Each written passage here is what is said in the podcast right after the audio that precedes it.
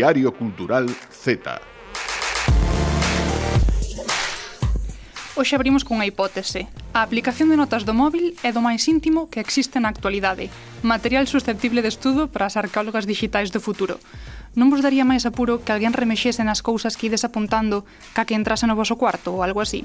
que a ver, isto último tamén é bastante turbio, pero enténdase, na habitación pois guardamos roupa, obxectos, algunha foto, recordos, pero é que esas notas do móvil, quen escapa diso, quen se libra da verdade que hai aí.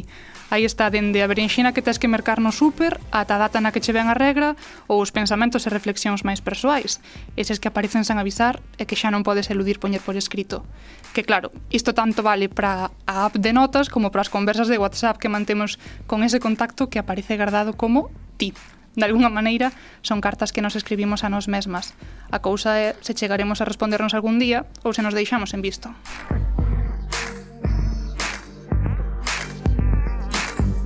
Benvidas a este Diario Cultural Z. Se precisabades un sinal, é este. Non ignoredes, por favor, as vosas versións do pasado, que poden ser as de hai tres anos ou as de onte pola noite. Lede o que anotastes. Lucia Junquera, que tal? Hola, que tal? Marta Coira. Hola, moi boas. Vos anotades cousas na aplicación de, de notas? Eh, teño un diario dos pensamentos que vou tendo ao largo do día. Entonces aí nadie pode entrar. Que revelaríais me... de ti? Madre mía, que revelaría. Deixémolo, un misterio. Pero que traballo eso de manter un diario aí... Bueno, son cousas, no, a ver, non é todo o que pensas, pero vas pensando é certos... Todo que pensas. Claro, porque eu penso moito, entonces... sí. Deixa bueno, como claro. claro eso. Eu estou mirando a última nota que teño. Sí, vas eh, a revelar. Sí, sí. Eu teño apuntado un sitio na Coruña onde se comen vos croissants rechos de pistacho. Mirade, mirade, teño. O último anotado que Aquí, teño. Aquí tamén mm, apuntados moitos regalos, podedes ver regalos e fotos con regalos ah, para sí, cumpleaños. Ah, sí, sí, pero aí vexo material audiovisual. Sí, xa. sí, sí, e documentación que isto é algo de cando estuve na carreira, supoño, aí quedou. Hai que renovando, Está Marta. caducado, eh, Marta. sí, bueno, o sea, non son apuntes, son en plan portales de datos e cousas así, cousas para a profesión.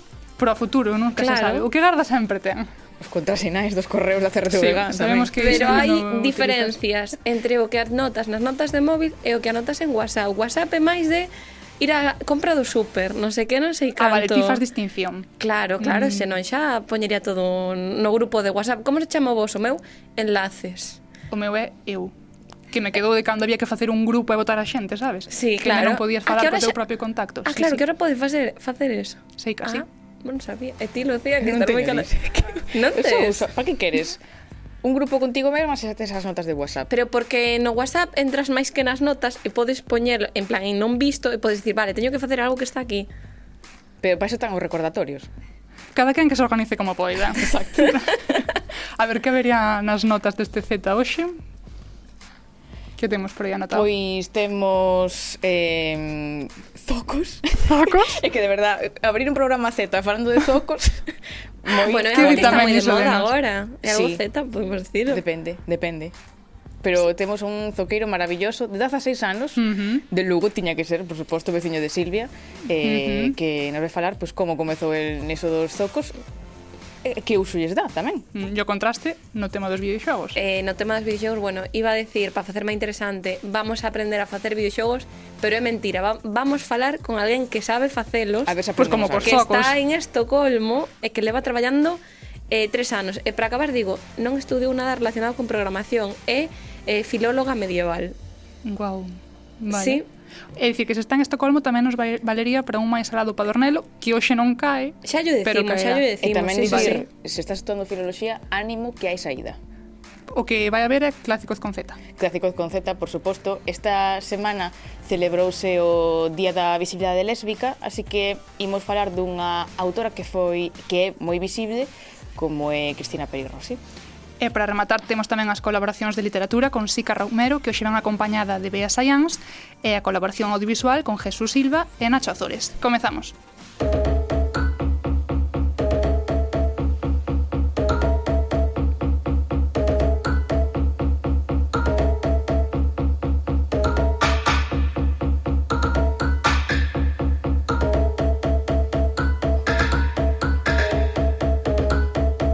A ela o que lle gustaba era estar aí na eira ao sol, abril, maio, medio brau, aí fora na eira a cantarlle ao paxarín, que era calquera, que ao final o único que decía era Paxarín pim pim, paxarín pim pim pim pim pim pim pim pim pim pim pim pim pim pim A quen tamén lle gusta estar aí na eira ao sol é o noso seguinte convidado, eu case daría por suposto. Tamén. Tamén. Tamén. Ya a min, pero non ven ao caso. Perdón, pero xa vou estar toda a semana. Co paxarín pim pim, pim, pim, pim na cabeza. Pim, pim, é que tremendo temazo Tem, este. Temazo sí. O caso que a nosa convidado seguro que tamén lle gustaría estar aí cos paxaríns pim pim. Eh, dende que descubrimos a existencia deste, deste rapaz, estamos flipando un pouco bastante, porque, a ver, por idade, mm, vale, é Z, máis Z correcto, máis Z que nós, pero igual por actitude ante a vida, non sei se encaixa... Tampouco son bueno, a ver, vos tampouco sodes claro, zetas, somos... entonces... Aceptamos, vale, pero da igual. Claro, son a única zeta. Única. Sí. Hai diversidade dentro dos zetas. entonces aquí todo ben, todo correcto. O caso que o noso convidado chamase Álvaro Pincampo, ten 16 anos e é zoqueiro. Vive en Lugo, pero, ollo, advertencia, localismo, sí. as findes repártese entre Castro Verde e Castro de Rei, porque as súas familias andalí, e ali onde se pon a labrar a madeira para facer zocas, fai tamén cestas de bimbio, fai polainas de, de xuncos, fai de todo. Eu digo vos que, antes de escoitar o que nos vai a contar, buscadio, por favor, no Instagram, buscade arroba o Florencio de Barreiros, porque se puxo este nome, porque é o nome da súa casa, e aí vai poñendo todo o que fai, como fai, E digo, porque ides... Estou buscando, eh? Ides eu estou alucinar. buscando aquí. Na, non ten perda, eu xa vos lo digo. Imolo saudar, mentras tanto. Álvaro, que tal? Como estás? Hola, boas, moi ben. E vos? Nos tamén, aquí. Fantásticamente. Contentas de terte. Pois pues igualmente. Bueno, dicíamos isto de que a xente ten que flipar cando entra no teu Instagram, porque aquí é para flipar e o máis curioso de todo é que aprendiches ti só a facer todo isto. Nadie te enseñou na casa.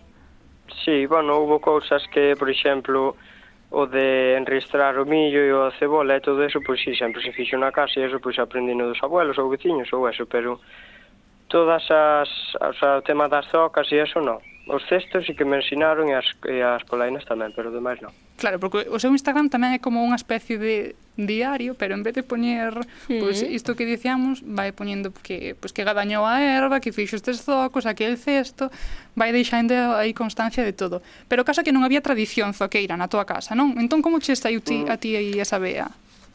Pois a verdad que na casa penso que houve, pero xa, bueno, de moi longe non nos cheguei a conocer, pero bueno, A min estaba a benme, sempre me, sempre me levaron ideas tocas, porque de pequeniño había unhas aquí colgadas na miña casa, e, uh -huh. non sei, deme por meter os pés ali, e fíxome gracia. entonces hai un tempo empecé a traballar a madeira, e fun probando e probando, e hasta aquí.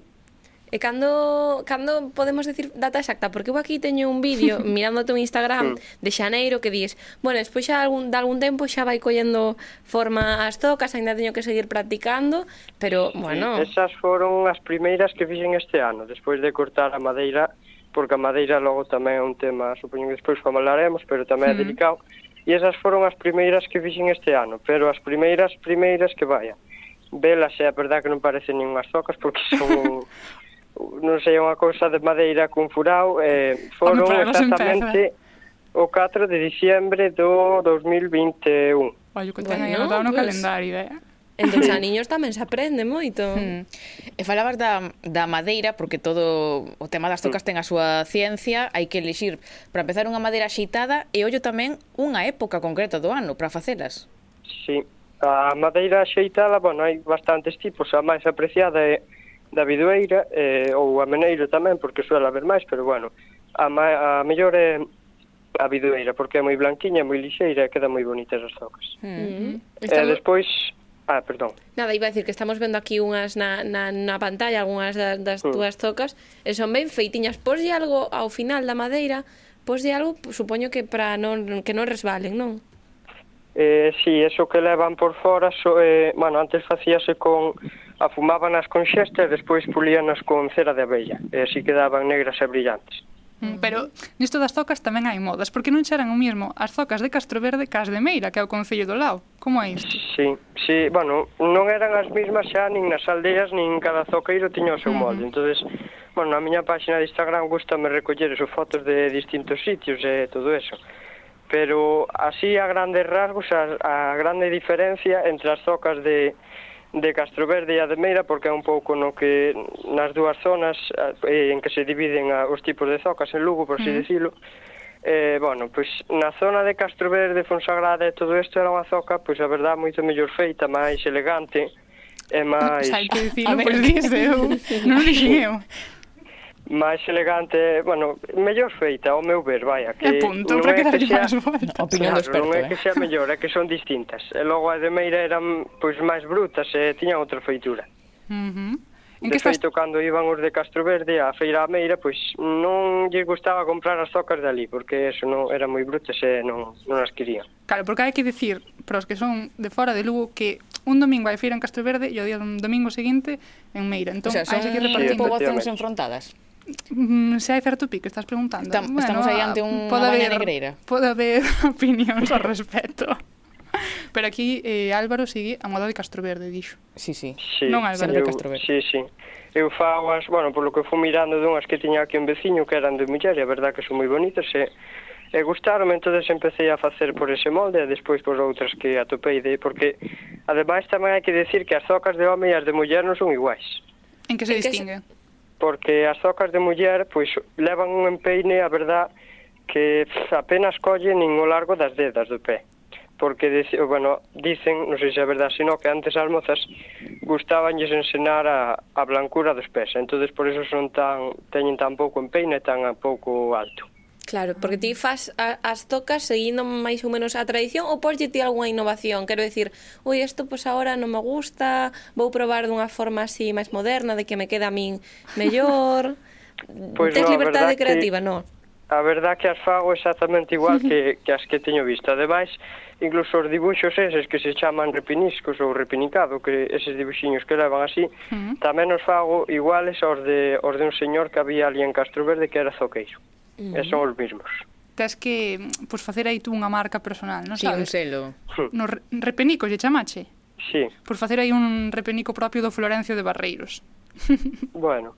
E eso que estás en Bazar, en Castro, non? Sí, sí. En, en que estás traballando agora? Estás facendo zocos, algún cesto, pois unhas polainas días, desas? Estes días ando zocas, non, porque aquí en Bazar non fago cestos, pero agora non é o tempo porque andan están brotando todos os árboles, entón é mal tempo mm. para todo de recoller o material e eso, porque leva moita savia, a savia non, non se suele levar ben con estes traballos. entón estes días ando pois amañando un montón de ferramenta que me regalaron e, e preparando todo para pa o día 1 de maio que vou á Feira da Fillo a, fe, a Zoquear. Ah, mira, eh, feira. Eu quería preguntarche, na túa casa utilizan mm. os zocos que ti que ti fas? Din, veña, va, vamos a, a probar. De momento no, porque, bueno, ainda non nos levo nin eu, pero sí ah. que pero porque hasta ahora a verdad que é moi complicado que senten ben o pé e todo eso, pero bueno. Bueno, cuestión de, tempo, de seguir practicando, sí. claro. Hmm. E gustaríame tamén aclarar, porque a xente tamén que xa vos escoitei a vosotras... A ver que dixemos eh, xa, a ver que dixemos. xa. no, no, isto confúndese moita xente, non é, pero os zocos e as zocas non son o mismo. Ah, ah vale, vale. E cal é a diferencia, a ver? Os zocos son os, as típicas botas de coiro que levan a suela de madeira. E as zocas son as que son completamente de madeira. Vale, vale, pois entón, fe de ratas Mm, zocas. Fai zocas. Sí, sí. Efectivamente. E seguindo un pouco mm, falando destas, destas palabras, porque vimos tamén no teu eh, Instagram que che gusta moito pois eh, preservar precisamente ese vocabulario que está asociado ao, ao, sí. ao traballo, non? Eh, sí. Tamén manter esas palabras. Teño, bueno, fa os meus, pois apunto por aí en papeles ou cousas así, cando me acordo de alguna cousa ou todo, por e non exemplo, o vocabulario do, do Perdón? Digo, ti non apuntas nas notas do móvil logo? No. Que falábamos antes, vale, vale. No, teño por aí pa, libretas, bueno, teño todo, cada unha teño das páginas ou así, teño oito libretas, entonces algún día terei que xuntar todo no mesmo sitio, pero bueno. entón, que eh, hai por aí apuntado? Si, sí, palabras. Pois, bueno, teño feitos apuntes tamén das zocas e das partes todas do carro, porque agora xa en cada sitio tamén tiña o seu nombre, pero eu que sei pois, por exemplo, os chambaricos, a que non adivinades que son os, cha, que son os chambaricos. Ai, nin tola. A ver, no, Silvia. Nada, nada. Veciños pois, sí, pero... Os chambaricos son eses paus así medio tortos, que ahora, bueno, son moi difíciles de atopar, porque sobre todo xa non se usan, pero antes cando se facían as matanzas do coche na casa, é co que se colgaba o coche con eses chambaricos, que é un nombre curioso. Ah, ah apuntar, eh? chambaricos. Nas notas do móvil vou apuntar. hmm. pois sempre se aprende algo, eh. O caso é que aí no teu Insta, eh, bueno, pois iso vas contando como faz as zocas, eses cestos, o que son os chambaricos, o que é mangar, que non é sí. o que é para o resto do mundo. No, non é roubar. Non é roubar, mangar é outra cousa. No, é poñerlle o mango á ferramenta. Aí está. Eh, E a verdade é que flipamos porque tes un montón de, de comentarios e de xente que te segue, que te lee, que, que te apoia. Non sei se mm. esperabas mm, todo isto ou che vea un pouco así de sorpresa. Pois, home, eu tratei, en todas as publicacións tamén trato, pois eu que sei, de facer algo de diferencia, de non porque moita xente ten o Instagram, pero ao final sempre suco o mesmo. Entón dices, pois pues, vai, aburrimiento. Este... Pois pues razón, Álvaro. Totalmente. Entón, pois pues, eu que me gusta, pois cada, pois ensinar cousas novas en cada publicación e explicalo pois á miña maneira. Uh -huh. E tamén te vemos nas fotos cunha boina. Ai, si, a Pucha ten historia. Que, que agora... a ver, contanos a historia. Que a boina dos modernos, pero que Álvaro xa ven atrás, que a boina. Sí, eh, a Pucha antoxáraseme de pequeno que tiña eu de ver a ter set, seis ou sete anos ou por aí, mm. estábamos na feira en Meira. E antoxóseme a Pucha, entón compraron a Pucha. E dende Na feira en Meira. Sí. Gata hoxe. É que eu, eu non podo no, eu non podo facer preguntas porque estou hipnotizada polo que estás contando e polo que estou vendo. Porque temos aquí en Instagram, estás aí traballando, o sea, supoño que de, que na túa familia a hora de, de que ti empezares a traballar son ferramentas que para, bueno, para a túa idade agora sí, pero para fai tres, tres anos, digo, non estarían preocupados por verte dedo, eh. camachada, eh? con non sei que. machete na moa. Mm, claro. Home, de eu que de pequeno algo si que estaba, home, non toques aquelo que te cortas, que non sei que, pero depois empecé a collelo e a verdade é que pois a min hasta me parece menos peligroso unha machada que calquera ferramenta eléctrica ou así. Ah, pois tamén, tamén é certo. Sí, ah. sí, sí. É que che Entonces, a verdade é que todo isto de traballar así con ferramentas pois por así decirlo antigas, que bueno, non é mm. que sean antigas, pero bueno, pois tamén é porque ao ter eu poucos anos, pois non me permitían andar con ferramenta claro. máis, o sea, por exemplo, eléctrica ou cosas así, entonces pois, eu que sei, como eu a verdade que son terco, entonces pois, cando quero facer algo fago, e buscábame as, as maneiras para facelo. Mm. E digo eu, ti ensinaslles, ou, ou bueno, os teus compañeros e compañeras de clase, porque ti estás estudando cuarto de eso en Lugo, sí. ven todas estas invencións que ti faz, que che din, que pensan? Pois comentamos o mellor no recreo, pois este fin de semana fixe unhas zocas de mulleres, mira, non sei que, quedaronme lixeiriñas. Ah, pois, pois son bonitas, tal, non sei que, sí, comentamos así. O típico no recreo, claro. Sí. A verdade é que aínda aprendemos ben e aínda botamos unhas risas con Álvaro Pin Campo o Florencio de Barreiros. Eu, de verdade, vos lo digo, buscadio no Instagram porque non ten ninguna pérdida. No, eh, no. ides aprender un montón de cousas. Eu eh? convidaría un día Álvaro a que viñese aquí a facernos unhas Fade... tocas, unha demostración. Que che parece? eh, Álvaro? Ah, pois pues, sin problema. Aceptas? Que... Sí, acepto. Veña, pois pues habla de pechar. Moitísimas gracias. A vos. Un bico grande. Hasta logo igualmente. No niño novo do vento hai unha pomba dourada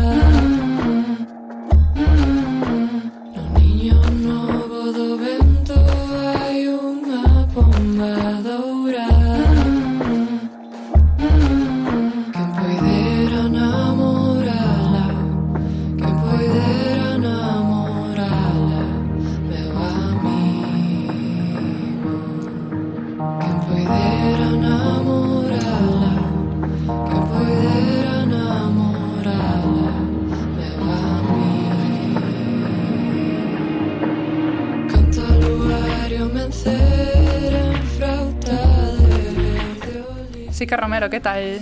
Moi ben. Ti anotas cousas no móvil, nunha libreta como Álvaro? Eu teño dous eh, chats de WhatsApp comigo mesma. A dous, a falta dun, sí, vale, vale. Nunca sei en cal apunto cada cousa, tamén as notas do móvil, despois os cadernos que vou deixando por aí. Desas cada... notas saen libros? No. digo eu, é que... Di libros como se tivese máis dun, sabes? Non, non, digo en xeral, o teu ou de, de outras autoras.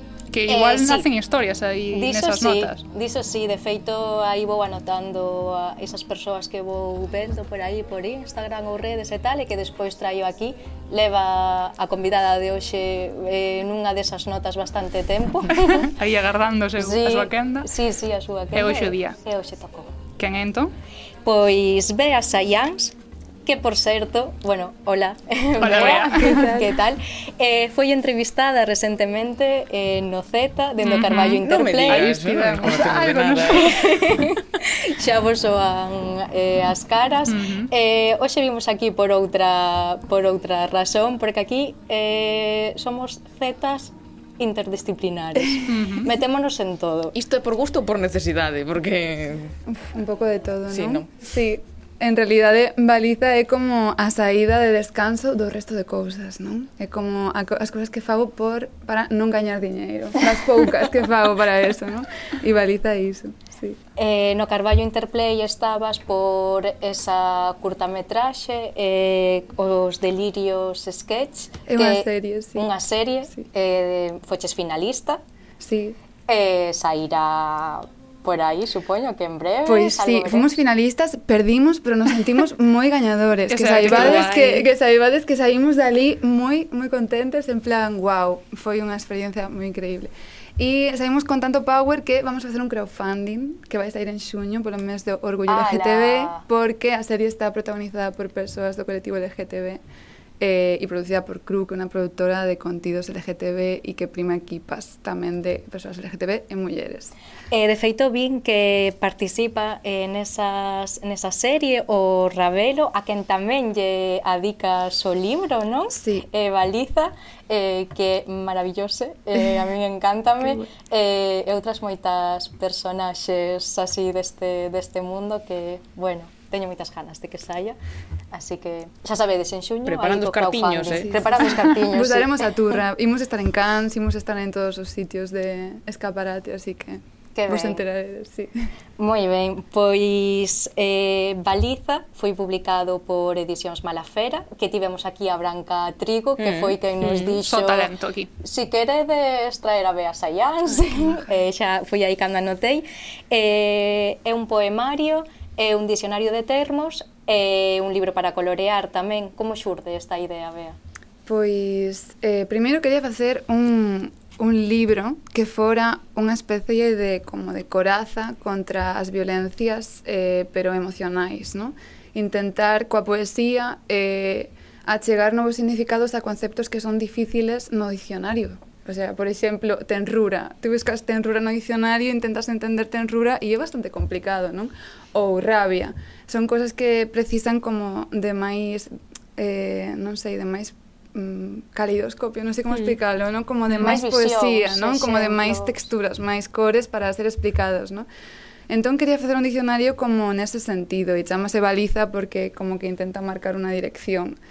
Tiven que poñer o que era unha baliza porque Ravelo que de interior me dixo que é unha baliza e eu, bueno, mira, pois pues vou poñelo por se acaso non queda claro, non? Pero sí, e comezou como, como para crianzas, pero non fun quen de explicar en poesía conceptos moi profundos como autonomía. Entón abrino para todos os públicos, intentei facer eh, poemas que foran eh, pois mm, con diferentes capas de información, non para que foran fáciles de ler para todas as persoas e non abdiquei dos debuxos. Ah. Dicen, quero que tamén se poda debuxar que sexamos adultes que debuxamos e que coloreamos e que nos podemos deter e e pintarnos. Nas ilustracións hai seres antropomorfos, animais descansando, rapazas dentro dunha sopa de verduras. Eh, que significado teñen estas imaxes dentro destes conceptos, desta poesía? Que como se aúna iso? Guau, pois pues, a verdade é que Isto, claro, eu creo que é unha pregunta que debería responder Nerea, que non está aquí porque está traballando unha supercurrela que traballa e estuda a vez, pero eh, a verdade é que o noso proceso de, de, de entender os poemas foi completamente distinto e eu non metín nada de man no que ela interpretou de, dos poemas entón hai moitas cousas que non sei entón, e creo que isto era guai cando me, me dixeches que non viña e que teñas unha pregunta para ela e dixen, vou te contestar a realidade non? que, claro. que hai moitas cousas que non sei e que creo que está guai así non? como que tamén ligado co, co cinema é unha maneira que teño de dirixir que é deixar as persoas que sexan como teñen que ser e simplemente ir guiando, non? E que ao final a poesía tamén é hmm. iso, non? A liberdade de, de interpretar eh, claro, o mellor tiñades en mente cousas distintas, pero eu, por exemplo, que pasei como bueno, como, como unha crianza eh, debuxando, debuxando en baliza. Abre o libro.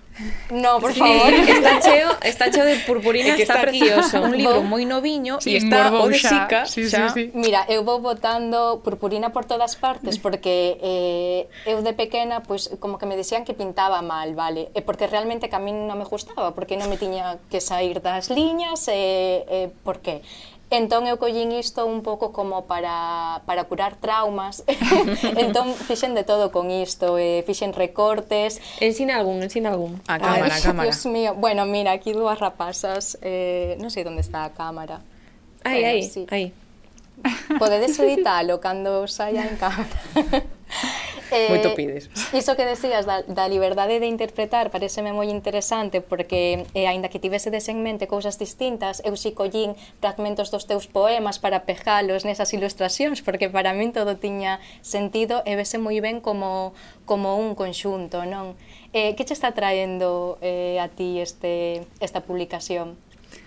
Eh, es que hai como problemas de eso, pero non, todo ben, todo ben. Eh, que me está traendo no sentido de eh, diferentes... A nivel persoal... Pues mira, un montón de persoas me están enviando eh, deseños, no? que mola un montón. Xa vi, e sí. ademais, unha das persoas que está que, que está dedicado ao libro, que te duelas, que está na cadea, eh, uh -huh. chegou e conseguín enviarlo e consigue nos vises pintalo coa súa sobrinha, non? E ten isto tamén, que un libro como moi antiadultista, podes, eh, pode utilizarlo unha persoa de 3 anos e unha persoa de 80 anos. Totalmente. E tamén que a miña nai está hoxe aquí comigo, que viu ah. de público, que é unha persoa super estresada que fai hai 55 mil millóns de cosas o día e eh, consigo como ver que se para, non? E que se detén e que fai algo que igual non faría normalmente, que colorear. E para min eso ten un significado, pois, moi guai, o sea, é como un aporte moi guai, non ver como que a xente ao meu redor consigue deterse en este mundo delirante. Conseguiches que o descanso que produciu para ti tamén o producise para, para as sí, lectoras, logo. Sí, Eh, eu tiña, bueno, eh, entre as preguntas, iso non, a que público vai dirixido, o público realmente é eh, todo. Sí. todo aquel que, que queira descansar, que queira saber un pouco máis deses conceptos que ti nos queres trasladar de outra maneira que ao mellor eh, na Real Academia Galega non os vamos ler da mesma maneira, non? non creo. Ao mellor queren eh, apoderarse. Ao mellor nin aparecen. Definicións. Ao mellor nin aparecen algúns, claro. Pode ser. Pode sí. ser. O público, sí, o sea, hai unha parte como de que está dirixido a persoas que non entenden de poesía, porque eu me sinto moi identificada con esta esta cousa de cando vas a ler poesía e de repente dices, isto non sei se para min, non? Como uh eh, -huh. de xente moi, de moi alta, eh, non? E non sei se son tan inteligente como para entender estas cousas, non? E en un momento da miña de vida cruceime con persoas que eran poetas e, e empecé a escribir tamén e pois me viñan arriba. Porque ti decías que este é un poemario eh, que de alguén que non ven do mundo la, da literatura, claro. que estás como máis ou mellor se si teste de outros campos ou claro, doutro... Claro, si xa eu teño formación no audiovisual e, e nos meten un montón que só somos unha cousa, non? Entón, como eu pensaba que isto podía facer isto e e pensaba que a poesía non era para min, entón tamén hai, un, hai está na contracapa, non que é un libro para persoas que non entenden de poesía, porque eu creo que eu era esa, esa xente, non era ese público, e non estou interesada en, en nas persoas que entenden muitísimo de poesía, con todo respecto, Eh? estou interesada nas persoas que xa máis se achegarían, non? Como nesas sí. Eh, hai algo da túa profesión do mundo audiovisual neste poemario que que unha relación, porque para ti ao final é unha vía de escape, pero sempre vai por dentro, non? A profesión dis hai pegada. Eu creo que na, nas imaxes, creo que hai como os poemas están feitos moi desde as imaxes, que é unha cousa que me din bastante, como que creo imaxes bastante nítidas, E creo que a miña maneira de crear, sobre, falando sobre as notas do móvil hmm. tamén, tamén é así, ás veces vou camiñando e penso, guau, a imaxe de un montón de persoas lendo ao mesmo tempo, non? E é como as imaxes non que me levan ao concepto que ao final vou rodeando desde aí, sí. Cal é o teu concepto favorito dos que tes aquí, dos que nos mostras? Estou lendo por aquí algúns, eh, hai un que non, Sí, non é, non é moi contundente, non? É cortiño e preciso. Sí. A branguera a área a que se ten dereito nun rayo de amor propio que non respete os teus non aproveitarase dos teus sí. Sí, este é necesario eh, directo, non? Que é un, un, en, en un momento hai que saber dicilo, non? Eu creo que a Z é un dos meus favoritos. Moi acaído, eh? Sí. sí. Por este lugar. sí, claro. Eh, eh, sí. Eh, Cal é a Z? É Zampar. Ah. Sí, non hai moitos, non hai moita poesía cando presentaba con Andrea Nunes aquí na librería Lila en Santiago. Non hai moita poesía que teña como antigordofobia, o sea, sí, antigordofobia eh, presente. E para min este, este concepto é super importante. Que temas eh, presentas a través destes conceptos? En, eh, que, que foches eh, collendo aí? De pues, donde moi acoutado ás cousas que eu tiven que aprender, non? Eh, que tiven que aprender e que non me ensinaron, non? Emocionalmente. Entón, pois pues, tampar que está ben, e que comer emocionalmente está ben, senón non existirían as tartas de aniversario. Esa é verdade. Eh, despois, eh, pois decir que non, a autonomía, a vulnerabilidade, eh, non sei, gozar, non tamén un concepto que está eh, non sei, todas as cousas que eu pensei, que tamén preguntei por Instagram, e dicir que hai un montón de xente mm. que participou, pero que eu pensei que eran importantes para desenvolverse en unha autodefensa emocional, non? Que eu non non sei, eu tardei moito en aprender estas cousas realmente. Tamén hai un concepto que é a heteronorma, a desvantaxa de fabricar en serie é que só hai un molde, e, bueno, tocas tamén estes temas que supoñen un pouco unha apertura mental tamén para quen os lemos, non? Para eh, buscar esas definicións que normalmente, bueno, que polo menos na primaria non nos mandaban buscar no, no dicionario. Claro, sí. sí. Ten, Bo... perdón. No, no, dime, dime. No, que sí, que ten esa identidade tamén, no, antinorma e antisistema, antisistema sí. e un pouco como tamén LGTB, non, tamén na na na, na escolla da linguaxe non claro. inclusiva e e das das identidades que se presentan no no libro. Igual que nas túas curtas e nos outros traballos que que faz, Eh, eu só podo convidar a que en xuño estemos uh -huh. moi atentas, atentas Estaremos pendentes a, dese crowdfunding. A ese crowdfunding que é moi importante apoiar a estas persoas que, que crean un pouco dende as marxes porque bueno, Malafera eu son totalmente fan desta editora e, e a verdad que fai cousas chulísimas que son moi necesarias e que aínda que non están no máis mainstream eh, aportan moitísimo e deberían coñecerse, eu creo que máis, divulgarse. Como este libro de Bellas Science que se chama Baliza, e como é unha persoa que fai de todo en moitas disciplinas, calquera día chamámola para sí, sí, outra entrevista. Outra, eh. eh, pero dirános que non, estará bendito, pero nos intentarémoslo. Moitas grazas, Bea. Grazas a vos. E moitas grazas tamén a ti, Sica, ata a próxima. Moitas grazas. Diario Cultural Z.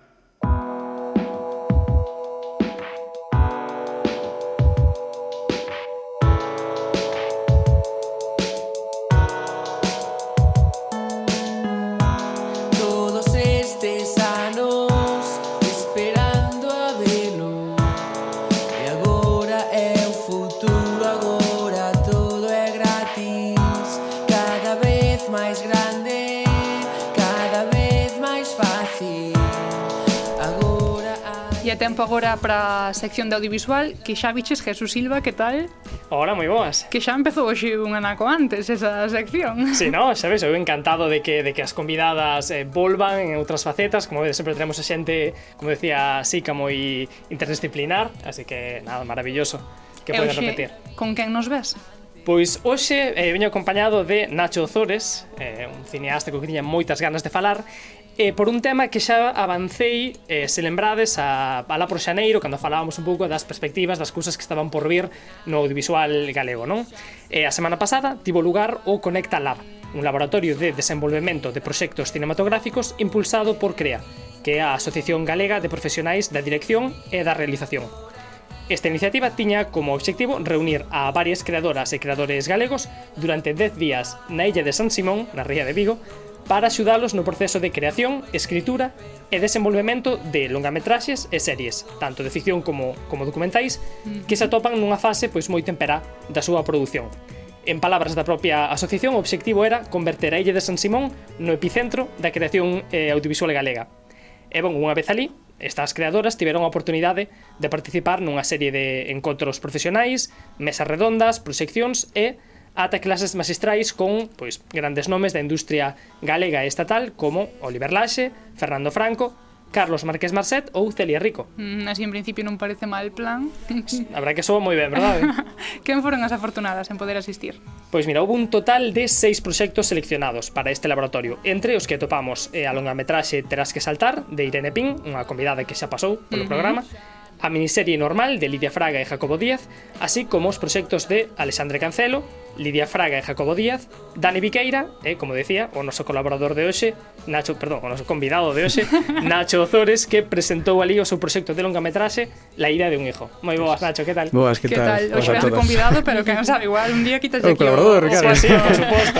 o posto eh, a Jesús. E eh, tiña que ser hoxe, agora que, que estamos con este cambio de réxime, que temos a Silvia de presentadora, que toque que lle toque facer unha presentación dun cineasta de Lugo tamén. Así me gusta, que traigas, hai que barrer para a casa. Eso. é. Pois pues sí, porque Nacho Ozores Flores eh, é de Lugo, naceu no 1995, el rematou os seus estudos de cine e tele aquí en Galicia e logo comezou a traballar nos departamentos de dirección en series, en documentais e películas, tanto a nivel autonómico aquí en Galicia como estatal.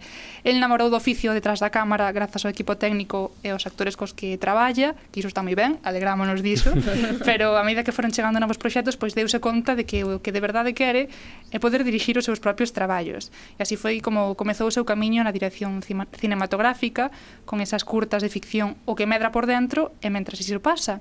Actualmente atópase en fase de desenvolvemento de novos proxectos de imaxe real como esa longa que se chama así la idea de un hijo. Así que, Jesús, por favor, que nos conte todos estes proxectos Moi, nos que anda traballando. Penso que o que todos queremos saber antes de nada é eh? que tal por San Simón, que tal no Conectalab. Uf, pois pues, eh, xa te podes imaginar. o sea, increíble. O sea, eu ainda estou como con jet lag emocional porque o sea, foi unha experiencia preciosísima non nos queremos marchar, o sea, chegou o último día de que como, wow, eh, por qué temos que marcharnos, pero foi unha experiencia preciosa, preciosa. Cantos que, días foron? Eh, foron case 10, 9 e medio, sí. 10 días nun paraíso como é ali a, a Ría sí, de Vigo, sí. hai nadiña, hai dúas semanas, como decía, empezábamos e rematou a semana pasada, sí. pero que que o, o, o principal que destacarías deste laboratorio, desta experiencia? O primeiro, a, a, o propio entorno, o sea, a illa, estar ali eh, illados eh, bueno, pues eh, creando ou máis ben pensando en crear porque pensábamos como que iba a ser un proceso moito de escribir ali mm. e ao mm. final foi máis de bueno, de, con todos os feedbacks que recibías do parte dos titores, do resto de, de, de compañeiros e demais era como de xestionar todo iso e non eras capaz casi de poñerte a escribir ali. Era como, bueno, despois daremos un aire pero vamos a disfrutar os 10 días ali na, na illa, coa xente cos titores, co... o sea, es que foi unha experiencia preciosísima porque te levantas pola mañá, vías aí eh, pois toda a ría de, de Vigo. Que bucólico. Bu, sí, pre precioso. Que unha envexa pero nada, que sobre todo destaco as titorías co individuais que no meu caso tiven con Oliver Laxe e con Carlos Márquez Marcet eh, bueno, foron aí ao, ao hueso e, e moi guai, xa foi unha experiencia maravillosa eh, como falábamos, presentalles ali o, o proxecto da que sería a túa primeira longa de ficción, a idea de un hijo. Eu quería saber que, xa sabemos que está nunha fase moi, moi eh, temperá, pero que nos podes contar ao respecto desta, desta longa? Pois pues eso, é unha longa metraxe de ficción de imaxe real que, bueno, en sí quere contar eh, o proceso de decisión a hora de escoller ter fillos ou non, non? É un pouco que creo que é algo que merece tocar porque penso que é moi xeracional. Xa non sou de xeración Z sino antes e, eh, e, e gusta meterme nese meollo porque noto que estas conversas están cada vez máis próximas a min tanto por parte da miña familia como por parte dos compañeros de sector. Eh, de feito o protagonista da curta é un actor que aínda non pode vivir da interpretación está aí como que está intentando conseguir, non? pero non chega. Por sorte vive coa súa moza, que sí que ten unha vida máis estable, máis tranquila, ela está no momento vital de querer ser nai. Pero el non quere saber nada diso, para ele implica sacrificio, bueno, moitas dudas. Entón a peli fala de que ter un, fi un fillo implica moitas cousas, pero non telo tamén. Entonces, mm. bueno eh, falabas desas titorías que tiveches con expertos, con xente como Oliver Lash ou sí. Carlos Márquez Merced, eu quería saber que impacto tivo o teu paso polo, polo Connect Lab ne, no desenvolvemento deste proxecto, non? Que, que avances pudeches facer ou que, que mudanzas uh -huh. implicou? Pois foi un proceso casi de deconstrucción, non? Eu levábamos como un dossier e un, un guión xa en fase avanzada, no caso era como un, un V3, dialogada, traballada, pero dende a primeira charla foi como, bueno, vamos deixar isto a un lado, vamos recibir os feedbacks eh, ben, a ver que, que nos contan e eh, eh, bueno, foi moito de construir, sobre todo um, con Oliver Lash, foi máis de falar de, bueno, de, da vida, da psicología, da de espiritualidade, despois xa nunha segunda tanda xa nos metemos no, na propio guión, no? en nos personaxes, pero foi moito máis de, de concepto, de irte máis para atrás. E, e con Carlos dimoslle mm, de cheo no, no proceso de eso, narrativo, e como ele entende o cine, como entendo eu, foi moito de, de conversas e agora, pois, pues, estamos traballando nunha nova versión de guión con todo o que traballamos ali, de desarrollo de personaxes, de tramas, bueno, un pouco todo iso que foi, o sea, se di así brevemente, pero foi moi cañero, o sea, de picos emocionais, de decir, o meu guión non mola, ah, sí, bueno, está ben, ou oh, non, non sei. Creo que calquera que se dedica a creación audiovisual empatizará contigo Pua, totalmente, sí, sí, ¿no? con, con ese proceso. Moi tol. Mira, hai unha cousa que nos gusta moito a xente que nos dedicamos á crítica, no, sobre todo de, sí. de cinema, que atopar esas liñas, eses puntos en común, no, entre entre as obras dun, dun mesmo autor. No teu caso curioso porque aínda que apenas tes dúas curtas como director, esta longa na que estás traballando, xa empezamos a ver que todas estas historias pois teñen sempre sempre un, un forte componente humano, no? personaxes protagonistas que enfrontan un dilema como moi persoal, no? víamolo pois, pues, nas túas dúas eh, curtas anteriores, eu quería saber un pouco cales son para ti esas fontes de inspiración no? para este tipo de relatos. Pois pues ven imaxes das miñas preocupacións de querer eh, vomitar no papel e despois na, coa cámara un pouco todo o que tes eh, aí dentro. Eh, bueno, de feito, aí estamos vendo a, a segunda curta que fala do TOC e un pouco, bueno, pois pues, é facer catarse, no? eh, contigo mesmo e intentar que o espectador eh, conecte con esa mesma emoción a través de, bueno, de como o estás narrando. Eh, eu mergullo moito neso, en experiencias vitais, en medos constantes que creo que cando os botas por diante, os contas, pois pues, hai xente como que empatiza con eso e que, que bueno, que se sinte que conecta, non? Penso que a, a estas alturas xa podemos dicir que eres moi bo director de actores porque eh, as dúas, dúas, o sea, as túas dúas curtas, o que medra por dentro e mentres iso pasa, ambas recibiron premios á interpretación dos seus actores protagonistas que evidentemente non lle quitamos ningún mérito aos, aos intérpretes, pero home, é, é ben curioso non que, que, que as túas dúas curtas recibiran estes premios. Eu quero saber cal é normalmente o teu proceso de traballo cos actores, non? Pois pues bueno, primeiro é porque eles son moi bons, basicamente, pero bueno, é un proceso que me gusta moito da dirección de actores, é que me mergullo, meto de moito no, no papel do persoaxe como se eu fose o, o propio actor que tivera que interpretar para poñerlo fácil, e despois é a base de, de ensaios, é ensaiar eh, mogollón, ainda que sexa a distancia, por exemplo, no, no primeiro caso con, con Jaime Olías, en o que me dera por dentro, e con Xavier Deive, tivo que ser moito máis a distancia, de falar moito, ao final son moito conversar, conversar, conversar, pulir, ir quitando capas e atopar como aí a, a perliña, non? E como, eh, está aquí. e, a partir diso, pois vas eh, creando. E, non, non encorsetar o actor, se nace ir por un lado, tirar para adiante por aí e eh, ir guiando, non? poñer un marco que de feito neste caso na, na camera por dentro a intención de facer un plano secuencia non é por hablar de facer un plano secuencia sino deixar que, que o actor non, non cortar a emoción do actor sobre todo neste caso que era dunha enfermidade mental parecíame como necesario eh, deixarlle esa liberdade guiada pero liberdade en nese sentido non? nesta liña teño unha pregunta, non sei se me poderás contestar aínda, pero teño curiosidade por saber se xa tes algún actor en mente para esta futura longa. No, aínda non. Eh, é eh, un proceso longo, non, non non me metín aínda en buscar, como está nunha fase moi previa, prefiro non non crear sesgos, non? Porque ao final só ves a este, este, este e logo é como igual era outro. Non se pode poñer o carro antes de Claro, exacto. Está claro que sexa quen sexa será un intérprete moi afortunado de poder traballar bueno. na, na longa. Vai levar premio, non? Seguramente. por, por contrato. entón, cal é a fase que toca agora nesa longa? Pois nada, seguir escribindo. Uh -huh. Agora, de feito, onte saíron as axudas a talento de, da GADIC eh, bueno, a, as ganas e a intención están en agora facer un dossier máis potente, un, un tratamento de guía máis potente para presentalo e a partir de aí pues, seguir eh, crecendo e chamar a atención de certas productoras que estamos aí tocando eh, portas para ver se si eso pode ir subindo. Pero xa te digo, da experiencia da illa voume moi, moi, moi contento, motivado e con ganas de que eso vaya para diante. No, sí, sí, ves echa ilusión nos ollos, sí. eh? Iso non se pode negar. Pois pues de aí é onde nace esta la idea de un hijo, nos seguiremos os pasos desta longa e tamén os teus. Nacho Azores, moitísimas gracias. Graciñas a vos.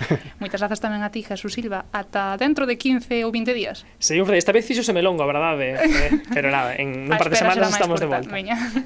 Diario Cultural Z.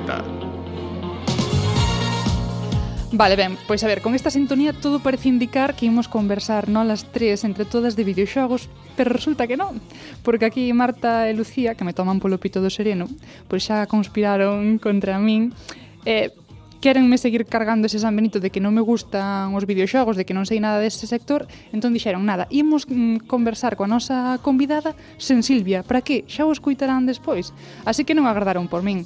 De que vai a cousa? De que falaron? Pois hoxe imos meternos de pleno no mundo dos videoxogos, pero non a través de quen os consome e tampouco a través de quen os traduce como en pasadas seccións. Esta vez temos a unha convidada de luxo que nos vai explicar como se crean, como esa parte, ese proceso que hai detrás de todo o videoxogo que, que, acaba, que o público acaba xogando. Ela é Verónica Pazos, é unha carballesa afincada en Estocolmo que estudou filoloxía e que actualmente traballa como deseña, deseñadora narrativa de videoxogos. Verónica, que tal? Benvida. Hola, moi boas. Ti estudaches filoloxía eh, na Universidade de Santiago, Como acabaches traballando no mundo dos videoxogos? A min gustaron os videoxogos de, de toda a vida, pero bueno, era unha cousa desta que que ti dis como ser actriz de Hollywood, non? Como que eso non, non pasa, non? Entón eu estudei filoloxía na UCC, que é unha cousa tantesca esa facultade, verdad? eh, unha piscina por dicir eh, algo.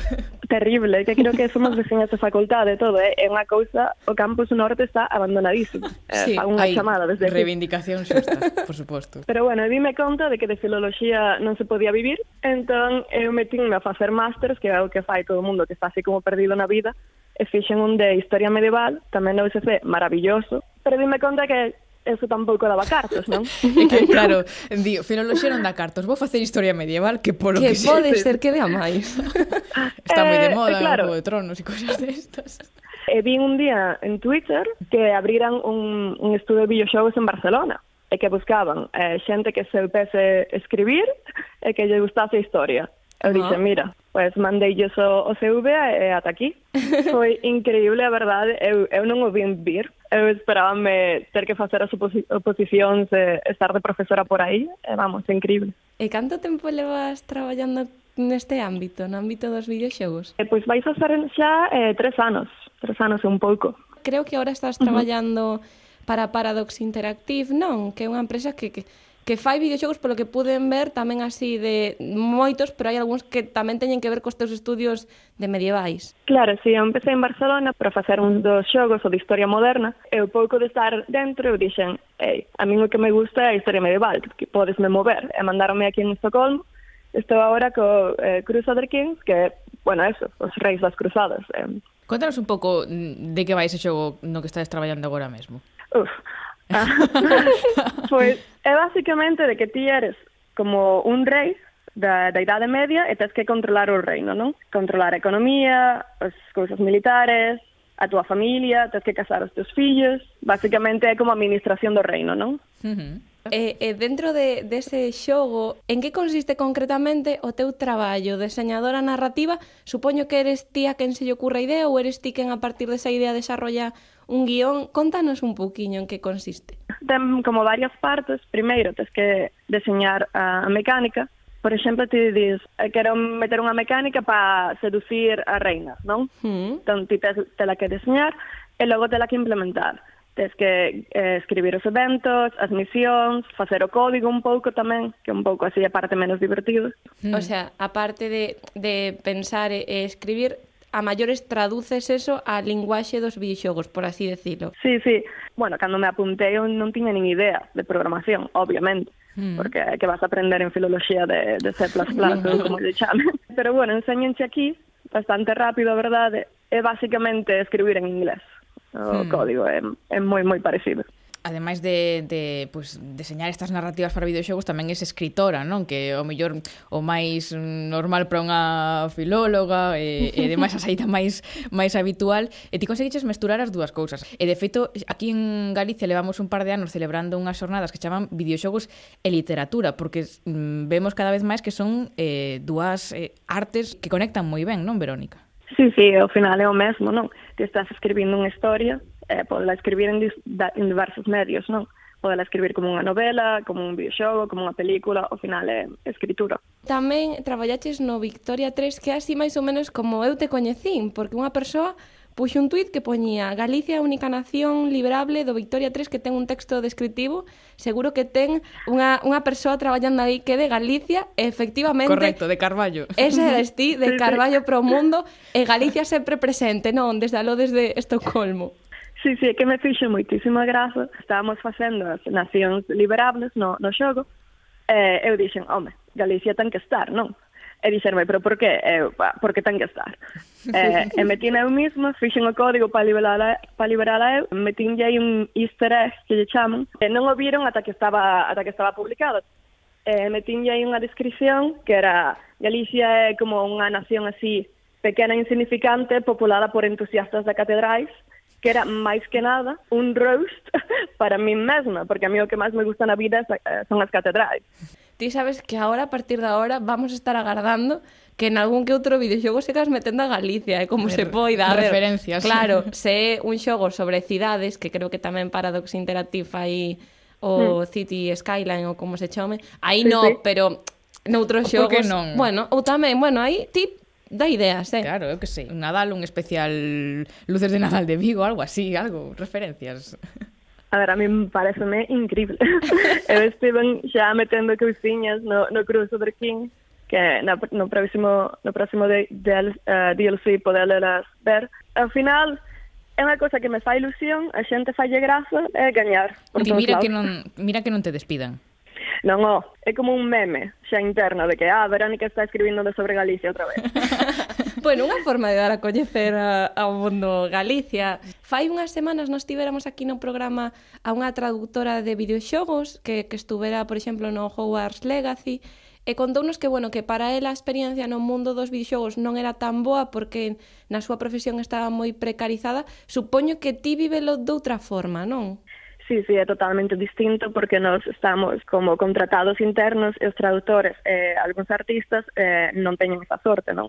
Entón, para min, é como un traballo normal, tes todas as beneficios dun traballo normal, salario mm. mensual, non tes que andar a comisión.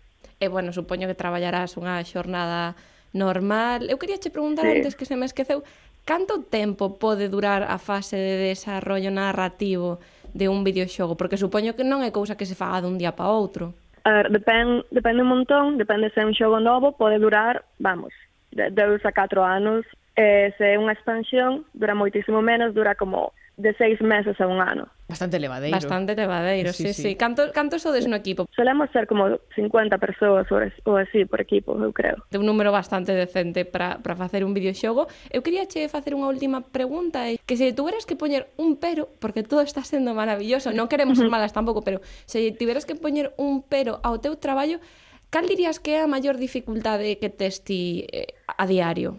Pues, a ver, pero teño moitos tamén, eh? que pasa a ver, que tampouco ca... quería falar demasiado. Bueno, non fales demasiado, di algunha cousiña así. Para mí, o peor de todo é que estás en Estocolmo, non? Un lugar terrible, inhóspito, e que estou moi lonxe da, da miña xente de Galicia, non? Para min ese é o maior pero, que non hai industria en España, menos en Galicia, eh, e, e tes que irte, non?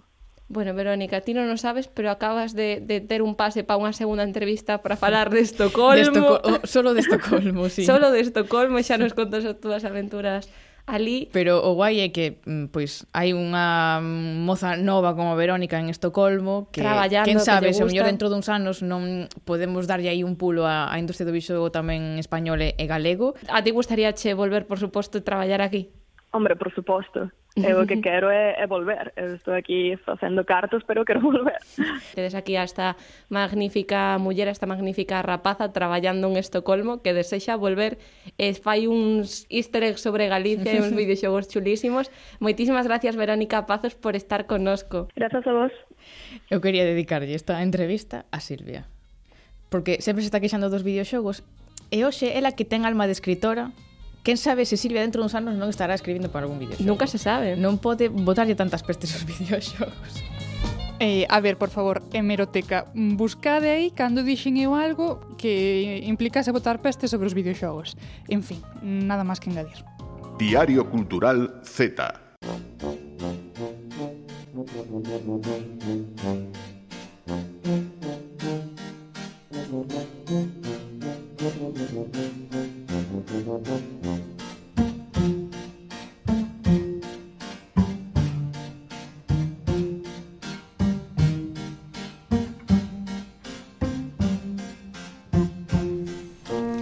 E agora toca ese tempo dos clásicos con Z, que tanto nos gusta. A semana pasada, Lucía, prometichesnos que ias vir con nada de Carmen Laforet. Non, non, non. Xa, xa, xa, xa. Dixaches ah, dentro de 15 días. Claro, vale. é para repetir o gancho, sabes? Vale, para vale, que non sí. no esquecemento. Vale, entón, teño que acordarme de apuntar na nota do móvil que para a semana que ven Correcto. teño que facer nada de Carmen Laforet pero Iso, non eh? prometera que para esta no, no, no, no, eu xa digo que era para lembrar simplemente a ti vale. e as ointes que para vindir a semana sí. Vale, vale. É que eu planifico me ben, é que parece que traigo aquí cosas aleatorias, ah, pero, pero todo, todo, todo libro ten especial día. Día especial, por suposto. A ver. E o de hoxe, pois, eh, é que pasaron moitas cousas esta semana. Eh, comezamos eh, pois, con esa entrega do Premio Cervantes ao poeta colombiano Rafael Cadenas. E logo, pois, según iba avanzando a semana, pois, foi a celebración do Día da Visibilidade Lésbica. Uh -huh. Que dides vos, o que ten que ver Rafael Cadenas coa visibilidade lésbica? Nada. Rafael Cadena é unha muller lesbiana? Non. Vale. Nada. Por agora non. Entón, mm, O que sí, busquei a conexión, porque penso, Ben. Repito, penso. Como Marta, que dixo que pensaba. Sí, mm. hai que reivindicar pensar.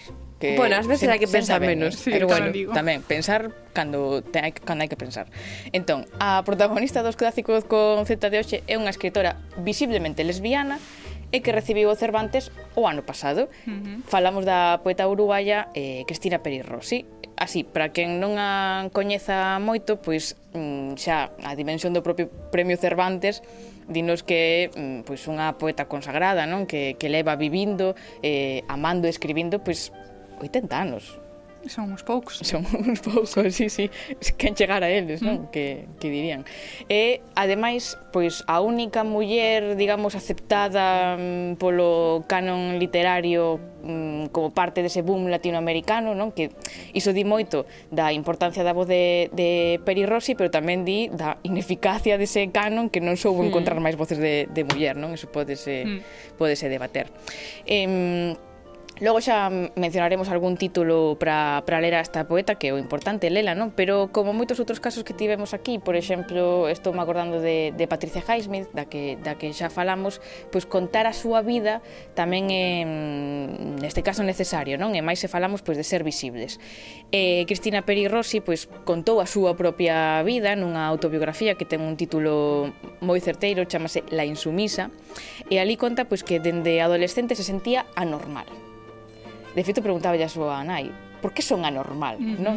Eh, ela había que lle gustaba ler, que lle gustaba falar, e que se, as mulleres do seu, do seu arredor, a mellor por medo, non lían, non falaban, ela poñía pantalóns, e a mellor as súas amigas non, non vestían uh -huh. pantalóns, non? Eh, e tamén conta como eh, descubriu nesa adolescencia que lle gustaban as mulleres, e aprende rápido, eh, tamén de maneira un pouco tráxica, que iso non está ben, que é anormal, porque a súa, unha das súas amigas do, do, do instituto, non? tamén lesbiana e anormal, pois suicídase, porque non se sentía eh, cómoda e a gusto, non sendo como era. Pero mala todo non imos quedar con ese tono tráxico porque ela non é pesimista ni moito menos, é unha poeta moi moi divertida e moi moi valente, moi moderna, moi rebelde, como, como nos gusta. Eh, ela xoga moito co, co erotismo, sen, sen ningún prexuízo, mm, tampouco podemos reducir a súa escrita á sexualidade, non? O feito de ser lesbiana, pero sí que ela o, o, o reivindica e lle gusta que, que así sexa.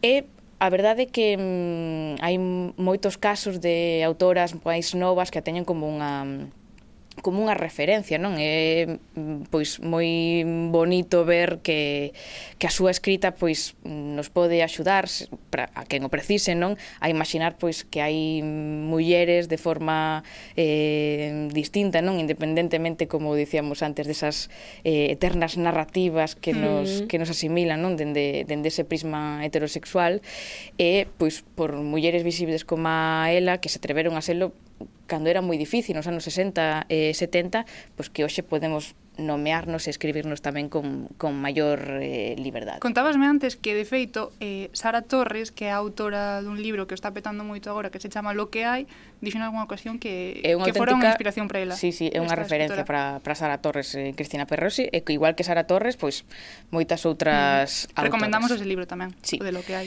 Eh, dicíamos que fala máis de, de máis cousas que a sexualidade, mm -hmm. non? Mm-hmm. Eh, Por exemplo, outro dos seus grandes temas literarios é o desarraigamento, a procura de outra identidade eh, ben distinta, non?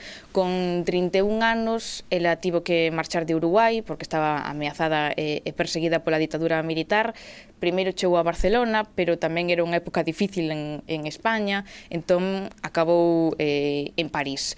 E escribe justamente desde ese estado de permanente desprazamento, non? De, de incomodidade, de inseguridade, pero que ela di que é o que precisa para escribir ben, como yo se non estivese incómoda, pois non non lle resultaría tan tan doado escribir. E de feito, hai un poema que non vou obrigar a Silvia a ler esta, esta semana ah, no, esta semana que é nun idioma coñecido non, non? claro, vale. como en español, non bueno, lereu, se fose en francés ou así, mm, xa pa ti. Eh, hai un poema que me gusta moito que fala un pouco mm, desa incomodidade ou así o interpreto eu, non? Que di, las pocas veces que he sido feliz he tenido profundo miedo. ¿Cómo iba a pagar la factura? Solo los insensatos o los, o los no nacidos son felices sin temor. Prefería Preferíabelo ti. No, gusto me el colera ti, Lucía. ben, pois, pues, que lemos a, ah, de, así de, de Peri Rossi, ademais destes eh, versos, pois ten unha obra moi ampla, mm. podemos podémolo ler todo, eh, que hai tempo, pero así para seleccionar. Pois, por exemplo, unha antoloxía poética, eh, en Visor está publicado La barca del tiempo, que son poemas entre 1971 e o 2015, son poemas, como dicimos, supersivos, eh, cargados de, de lirismo, de erotismo, que nos levan pois dende os mitos antigos da Torre de Babel ata outros máis modernos como o Facebook. Digo Facebook moderno porque no, no 2015 Ainda non había TikTok. Sí, vale. Ahora sería TikTok. Eh, tamén ten unha novela, ou algunha novela, por exemplo, Todo lo que no te pude decir, que é un libro sobre os amores que non sempre somos quen de, de dicir, de contar. Hai nesta novela protagonistas humanos e protagonistas chimpancés. Chimpancés? Sí, e de feito son os chimpancés os que viven o seu amor libremente e os humanos os que se inspiran nese amor animal. Pero amores que non se poden contar no sentido de sair en secreto con alguén ou de declararse a alguén. de declararse a alguén. Claro, que ti estás enamorado dunha persoa e non lle contas a esa persoa. De moitas persoa. cousas. E que é unha, unha novela que ten moitos personaxes, eh, mm. e cada un ten a súa, a súa historia. Entón, mm, cada personaxe, digamos, que non pode decir ese amor por un motivo. Pero son motivos moi diversos, pois eso, pois mm. porque son unha parella do, do mesmo sexo, por motivos moi moi diversos, cada un pois a o seu. E, mm, se vos gusta Julio Cortázar, por exemplo, eran moi a, moi amigos, teñen un epistolario que mm, fermosísimo entre, entre os dous que tamén está publicado e por suposto a autobiografía esa eh, La insumisa eh, para que lean pues, todas esas anormais que hai no mundo pois anotamos esa recomendación e ademais que é a norma, eu que sei, busquen un libro de Bea Sayans a ver no, se aí... Esa, esa definición claro, non vai a ver se atopan algo, se aprenden algo al respecto, pero anotamos as recomendacións desta autora do clásico do que é Cristina Peri Rossi. Moitas grazas. Nada. Que haces, tía? Hai un teteo ahorita en un callejón con Kitty Po Ah, sí, ¿quieres ir? Vamos, Chuliano, para allá. Llegué tarde a la cita, estaba con la Rosalía. Las amigas que se besan son la mejor compañía. Hoy estoy a fuego, estoy chuki. Dulces deliciosas como una cookie. Pues nada, despois dos tremendos hits cos que pechamos en episodios anteriores, Di que a audiencia e o escoita quedaron... Temos fe. Sí, quedaron... Deron feedback. Claro, pensaron. O sea, Pensaron. despois de no somos amigas, nos comemos el coño. toca aí isto. As amigas que, que se dedican son a mellor compañía. Perfecto.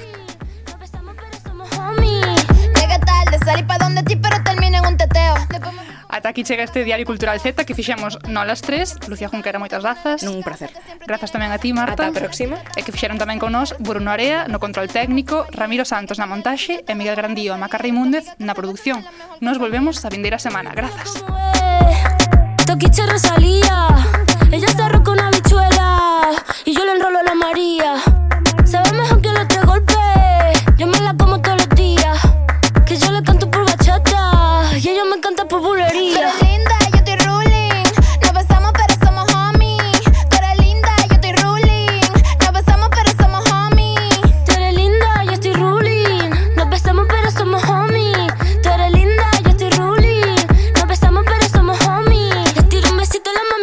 disfruta. Le muerdo cachete como si fuera una fruta. Siempre llego tarde porque me inventó la ruta. Le escupo la cara al tiempo como si fuera mi puta. Pa' quitarme la rechura y de sacato tengo tiempo. Poniéndome la prenda pa' tirarme por el blog. Calentura vaginal de RD pa' Barcelona. La reina de tu popola, tenemos la corona. Las duras de las duras, y eso ya no es un secreto. Las uñas en punta las llevamos estileto. Uy, Toki, estoy enamorada. Uy, Toki, tú eres de respeto. Tú eres linda, yo